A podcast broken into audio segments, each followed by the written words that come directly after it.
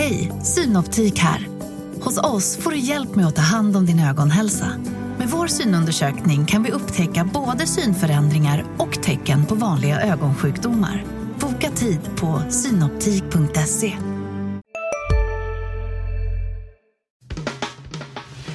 Analyspodden från Dagens Industri. Hej allihopa och välkommen till sista årets analyspodd med Dagens Industris analysredaktion. Uh, Ulf Pettersson heter jag och mitt emot mig har jag Johan Wendel. Hejsan Johan! Tjena Uffe! Vad tycker du vi ska prata om idag? Ja, men jag tycker att vi ska prata lite om veckan som varit. Den har inte varit så händelserik kanske. Men även om börsåret som varit 2022 och kanske lite om vad som kommer 2023. Och så har vi lite case vi ska snacka om och även eh, den kommande veckan här, den första veckan i 2023. Så vi har lite ämnen att avhandla. Det var en utmärkt sammanfattning, så, eller programförklaring, så jag tycker vi kör igång direkt. Då. Vad är det? Du har tittat lite på Tesla här under veckan. Eh, eh, elbilsbolaget som har fullständigt havererat. Vad, vad har du att säga om dem? Ja, men precis. Om man kikar senaste månaden här så har ju aktien rasat över 30 procent och det har ju också varit ett, om man tittar på helåret 2022 så har det varit ett katastrofalt år för Tesla-aktien.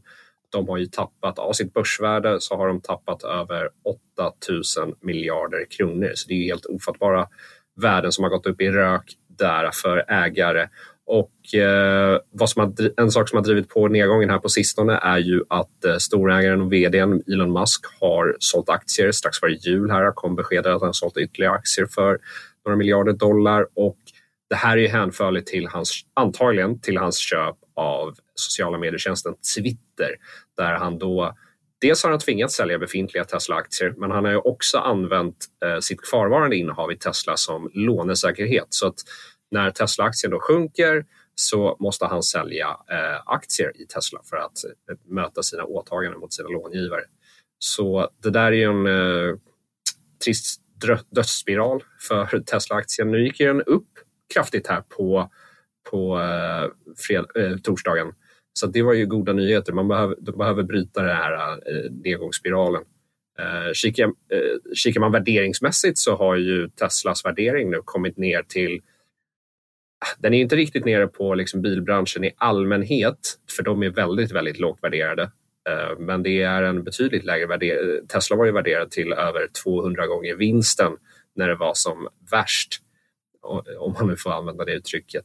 Nu börjar P-talet närma sig omkring ungefär 20 gånger eh, ev-ebit och skuldjusterat börsvärdet i förhållande till eh, rörelseresultatet. Så att nu börjar det bli lite lägre värderat men det är fortfarande en ganska hög värdering för ett bilbolag.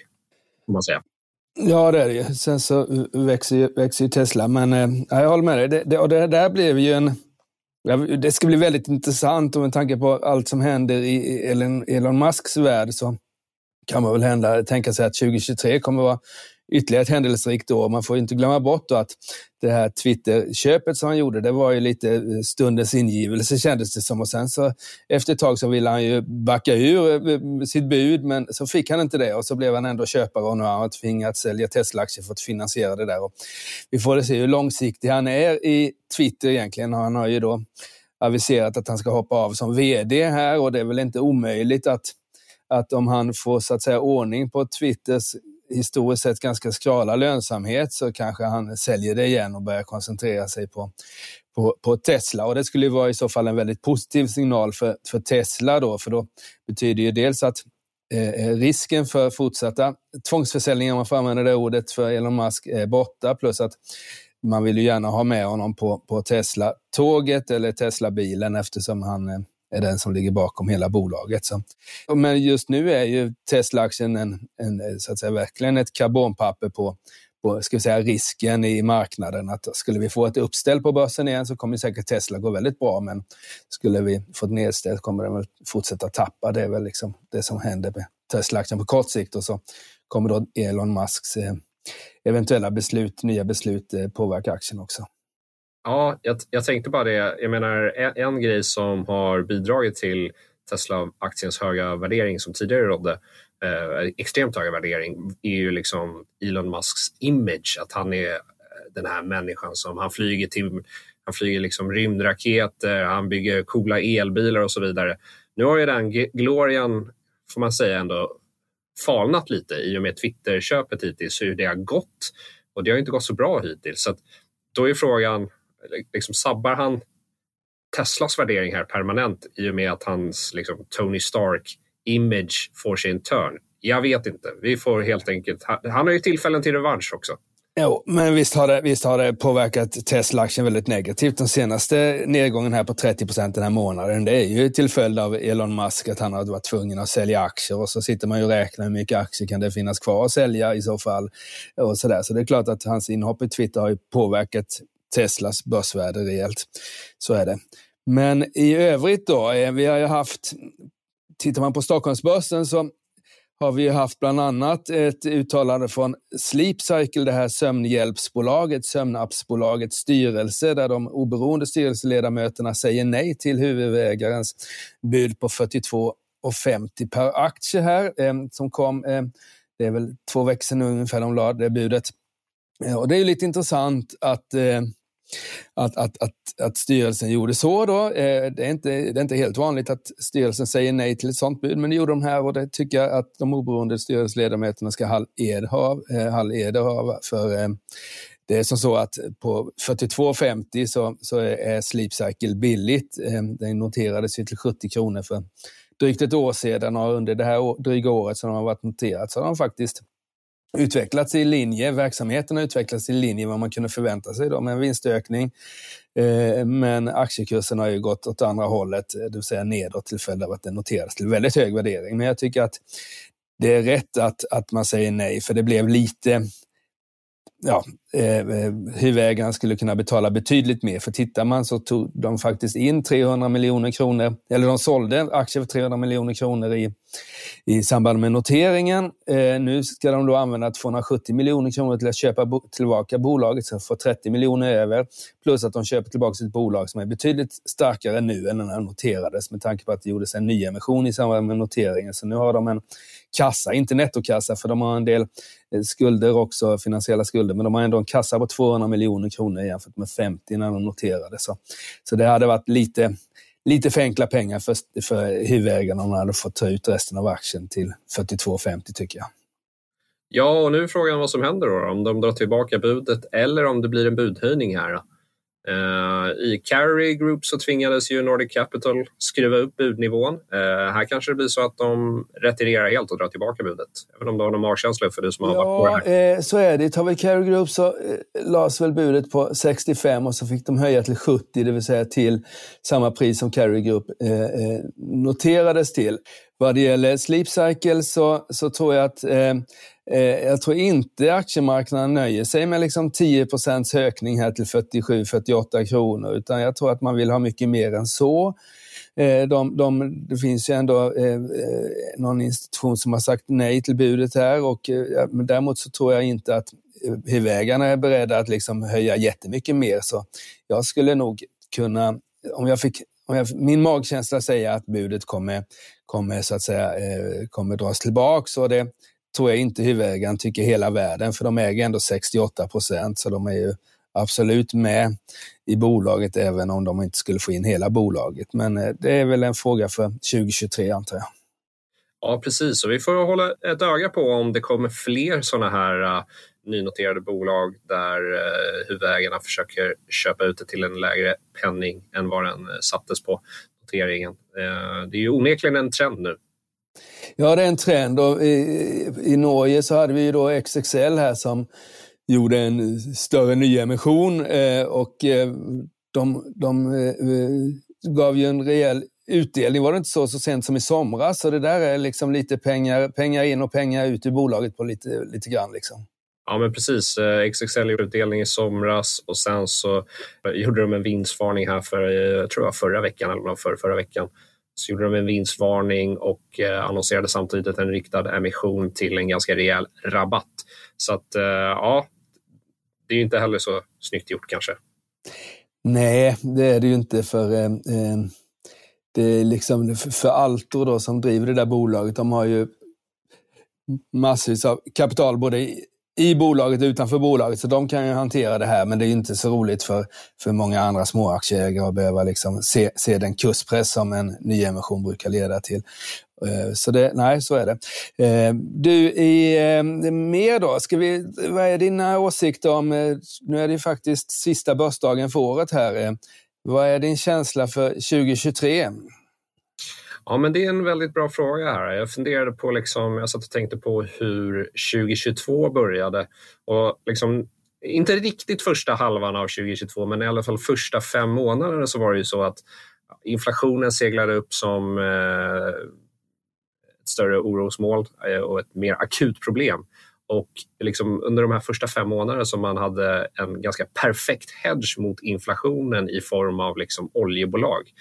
Köpte man oljebolag så hade man eh, en fantastisk utveckling där fram till maj var det va, innan de började takta av där med anledning av konjunkturoro. Så jag funderar lite på vad som är liksom, eh, vad som blir bästa traden här första halvåret 2023. Har du någon spaning där? Ja, jag tycker det, eh, 2022 var ju ett unikt år på många sätt. Då. Dels är vi ner på ett sätt som inte brukar vara ner och det är ju inflationen men det är ju även förstås Ukraina-kriget som pressade marknaden där i februari-mars och sen så kom inflationen och ränteuppgången, fortsatt press och sen har vi då fått, har vi fått en, en ganska stark utveckling här från botten då i början av oktober har vi fått en stark avslutning på året. Eh, 2023, eh, vad, vad är det för aktier man ska äga då? Man får ju liksom det är ju det här value mot tillväxt. Nu, förra året var ju ett value-vinstår. Då. Det brukar ju vara tillväxtaktier som annars går bättre än value, men, men value var, eller värdeaktier var eh, klar, klar vinnare i år. Eh, jag vet inte, alltså det är ju det är väldigt mycket beroende på räntan och räntan är beroende på inflationen. Då. Jag tycker inte årets nedgång på, på eh, är det, 20 procent är liksom inte det är inte chockartat sett till ränteutvecklingen. Alltså det är en helt annan nu för tiden eh, nu för tiden är det ingen som pratar om TINA, för du kan ju faktiskt köpa en, en amerikansk lång obligation på närmare 4 procent. Eh, och det är inget dåligt alternativ eh, att veta att man får 4 procent riskfritt kommande 10 åren eller 3,8 som det är på i USA här. Och det är klart att och det ska ju då sänka värderingarna. Så alltså tittar man på ränt, ränteeffekten på värderingen så motsvarar det årets nedgång igen, egentligen på börsen jämfört med vad räntan var för ett år sedan. Och då är det väldigt mycket räntor. Om räntorna går ner så kommer börsen gå upp och om räntor går ner så kommer ju tillväxtbolagen vara vinnare. Skulle vi däremot inte få ner räntorna utan att centralbankerna väljer att så att säga eh, hålla räntan eh, konstant under hela 2023, vilket jag tror kanske är det troligaste scenariot, för jag tror inte de vill börja sänka några räntor om det inte blir någon riktig, riktig recession här. Eh, eh, och då, ja, då, då blir det lite svårare. Så jag är inte så där super, jag ser inte det som givet att börsen kommer gå upp nästa, nästa år. Men tittar man på vilka aktier man ska ha liksom, då, och väljer bort det här liksom, eh, så ska man ju alltid ha aktier som vars vinster eh, stiger och vars vinster stiger lite mer än vad vi kan förvänta oss. Det är så att säga viktigare än själva värderingen. Vi är specialister på det vi gör, precis som du. Därför försäkrar vi på Swedea bara småföretag, som ditt. För oss är små företag alltid större än stora och vår företagsförsäkring anpassar sig helt efter firmans förutsättningar. Gå in på swedea.se företag och jämför själv.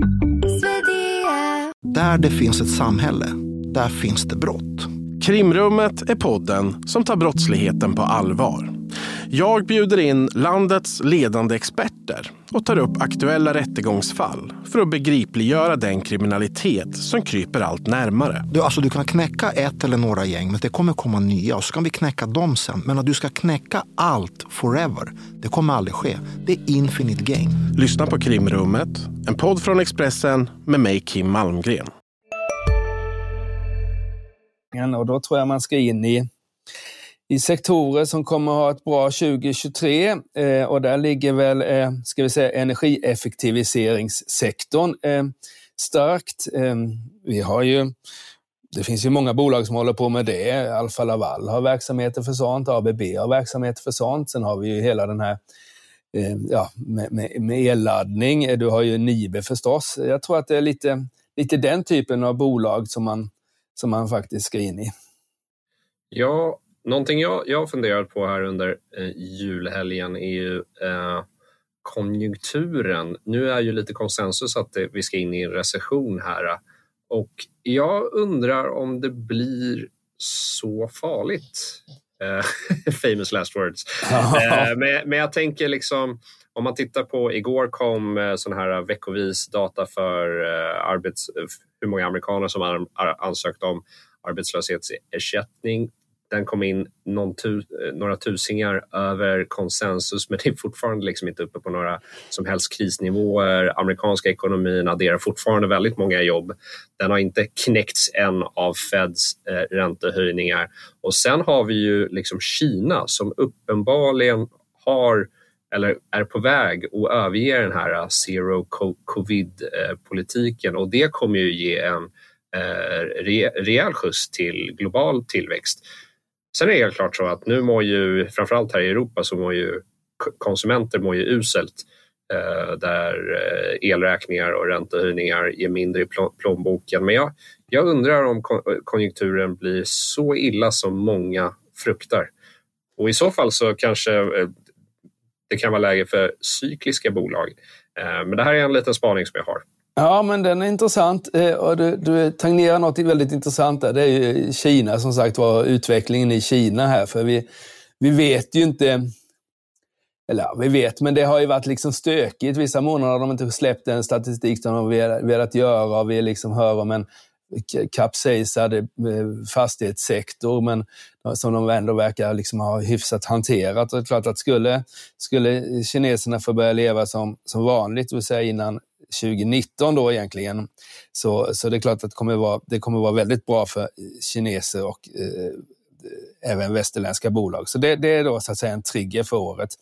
Eh, det som är icke en trigger utan ett sänke möjligtvis, det är ju att den här ränte i, I, Sverige så slår ju ränteuppgången snabbare än i omvärlden, men, men eh, det kommer ju påverka eh, mer och mer under året, de här räntorna. Det är inte så att ränteeffekten är slut bara för att eh, räntan har gått upp nu då, utan det finns efterföljande kvarvarande effekter där. Och nyckeln är ju här att se till arbetslösheten som, som fortfarande är väldigt låg, framförallt i USA, men även i Sverige har vi inte fått någon större arbetslöshet än. Och, och sådär lite grann i Tyskland, men inte, inte så mycket. Det är klart att skulle vi börja få arbetslöshet här så kommer konsumenterna dra ner ännu mer på, på, på sin konsumtion eh, av nödvändighet och det är klart att det kommer vara jobbigt och kommer till slut slå på industrin. För Tittar man på eh, svensk industri och Q3-rapporterna som har varit där så, så, eh, så, så, så, var ju de faktiskt starka. Orderingången var fortsatt god och orderstockarna är större än försäljning och sådär. Så det ser ju.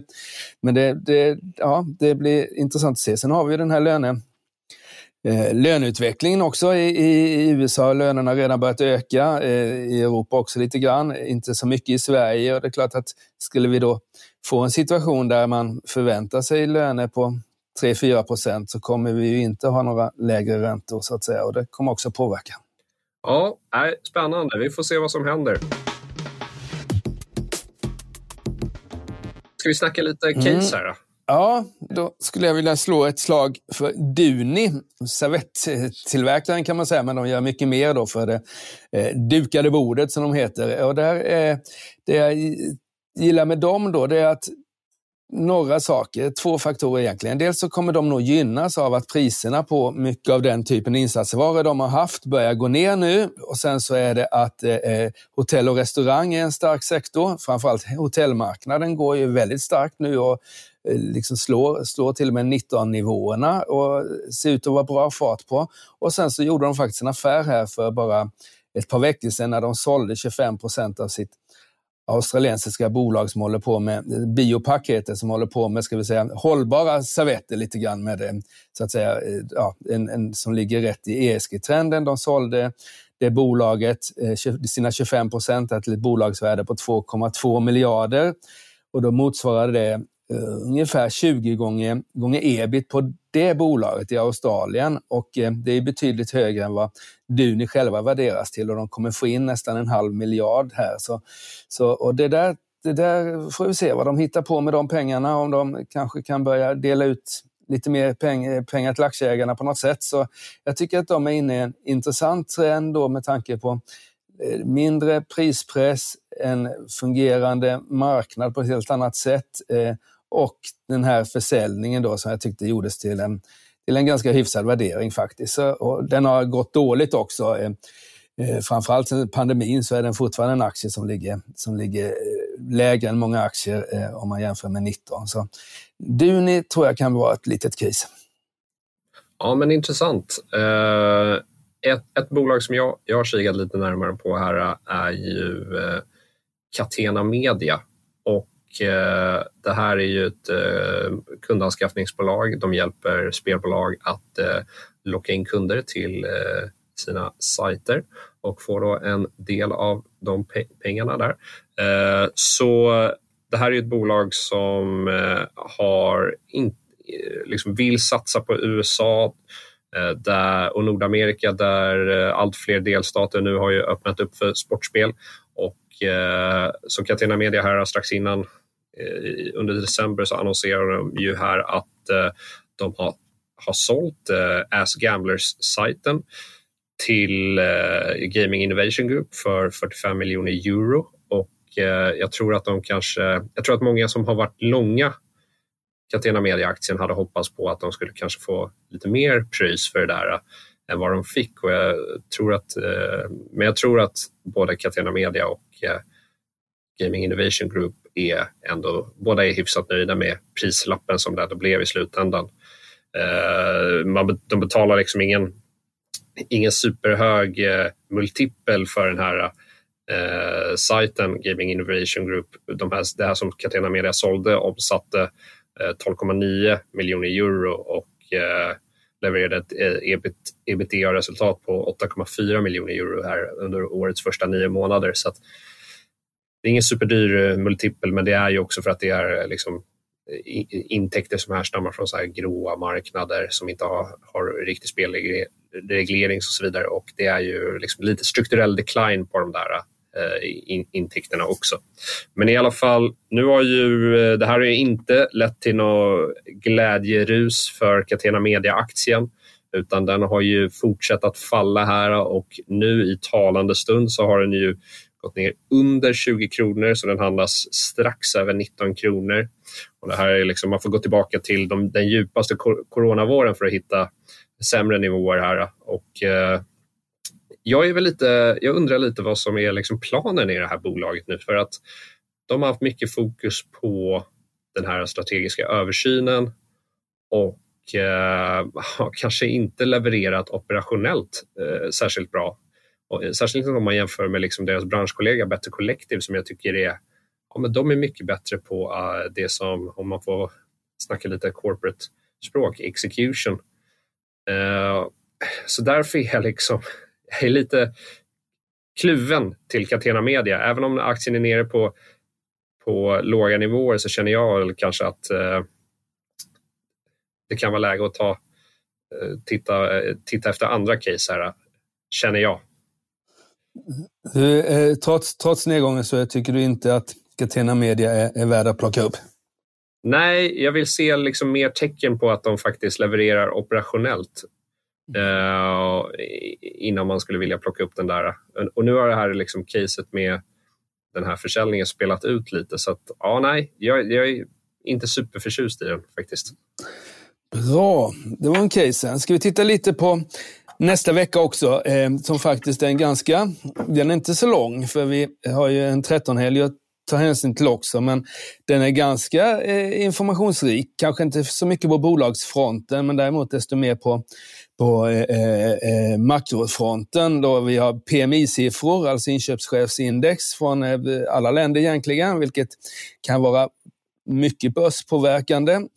Eh, eh, sen så kommer på tisdagen, eh, och det där är på måndagen och kommer även över lite på tisdagen. På tisdagen kommer också inflationen för december i Tyskland, vilket är en riktigt intressant siffra. Då. Vi hade ju ECB, eh, Lagarde, ECB-chefen, sänkte ju börsen här senast med sin, sin räntehöjning och framförallt utsikten om eh, flera räntehöjningar under 2023 och då blir ju inflationen i Europa väldigt intressant och den får vi eh, första siffrorna från Tyskland på tisdag och sen så får vi hela EMU-inflationen eh, lite längre fram. Så det blir högintressant. Ehm, vi har ett Fed-protokoll också. Ehm, kan påverka. Ehm, eh, eh, det har väl varit så tidigare att, att liksom, börsen brukar stiga på pressreleasen när, när amerikanska centralbanken Fed eh, levererar eh, sina räntehöjningar, har gjort i alla fall. Sen brukar de sjunka på presskonferenserna när, när Powell eh, så att säga eh, eh vill, vill liksom ingjuta allvaret i det här och sen så kan den faktiskt stiga när man får läsa protokollet som brukar vara lite mjukare än vad, än vad eh, presskonferenserna är. Men det får vi veta på onsdag hur, hur det tas emot. Eh, så det är väl, tycker jag, liksom absolut eh, börspåverkande eh, information som kommer. Samtidigt som börshandeln kommer vara ganska stillsam med tanke på att det är en förkortad vecka. Eh, tittar man någonting på bolagen så får vi eh, bland annat eh, eh månadsstatistik från Avanza och Nordnet här från eh, nätmäklarna då, hur mycket aktier vi har handlat i december och även inflödet respektive utflödet från, från deras eh, ja, till, till och från Avanza och, och Nordnet. Och det där är intressant. Vi har faktiskt haft en ganska svag statistik sen i höstas här där det hade varit nettoutflöde från Avanza Nordnet sammantaget. Och det är ju det är då likviditeten på börsen och ska vi säga, det är ju likviditeten styr marknaden ganska mycket på kort sikt så det ska bli intressant att se hur, hur privatspararna har agerat. Och det är ju att det har utflöden beror ju på att vi har haft ränteuppgång som gör att folk har annat att spendera sina pengar på än att köpa aktier. Så det, det är också en intressant siffra tycker jag. Ja, och eh, sen får man inte glömma bort att lyssna på våra andra poddar heller. Eh, vi har ju ett gäng som man kan lyssna på. Våra kollegor på Digital gör ju Digitalpodden. Eh, skribenterna på ledarredaktionen gör Ledarpodden som man kan lyssna på. Vi har ju den här eh, podden som kommer varje morgon, Morgonkoll. Här, bra sammanfattning. Så det finns eh, en hel del att lyssna på. Ja, då återstår det bara för mig, Ulf Pettersson och eh, min kollega Johan Wendel att eh, tacka för året som varit och önska alla ett gott nytt år och så hörs vi igen på nästa år med nya spännande eh, händelser som är värda att kommentera. Ha det bra där ute. Vi hörs. Hej! Hej! Analyspodden från Dagens Industri. Programmet redigerades av Umami Produktion. Ansvarig utgivare Peter Fellman.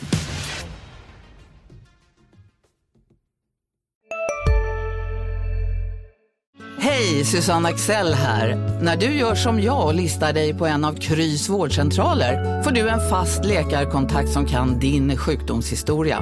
Du får träffa erfarna specialister, tillgång till lättakuten och så kan du chatta med vårdpersonalen. Så gör ditt viktigaste val idag, lista dig hos Kry. Kurrar i magen och du behöver få i dig något snabbt? Då har vi en Donken deal för dig.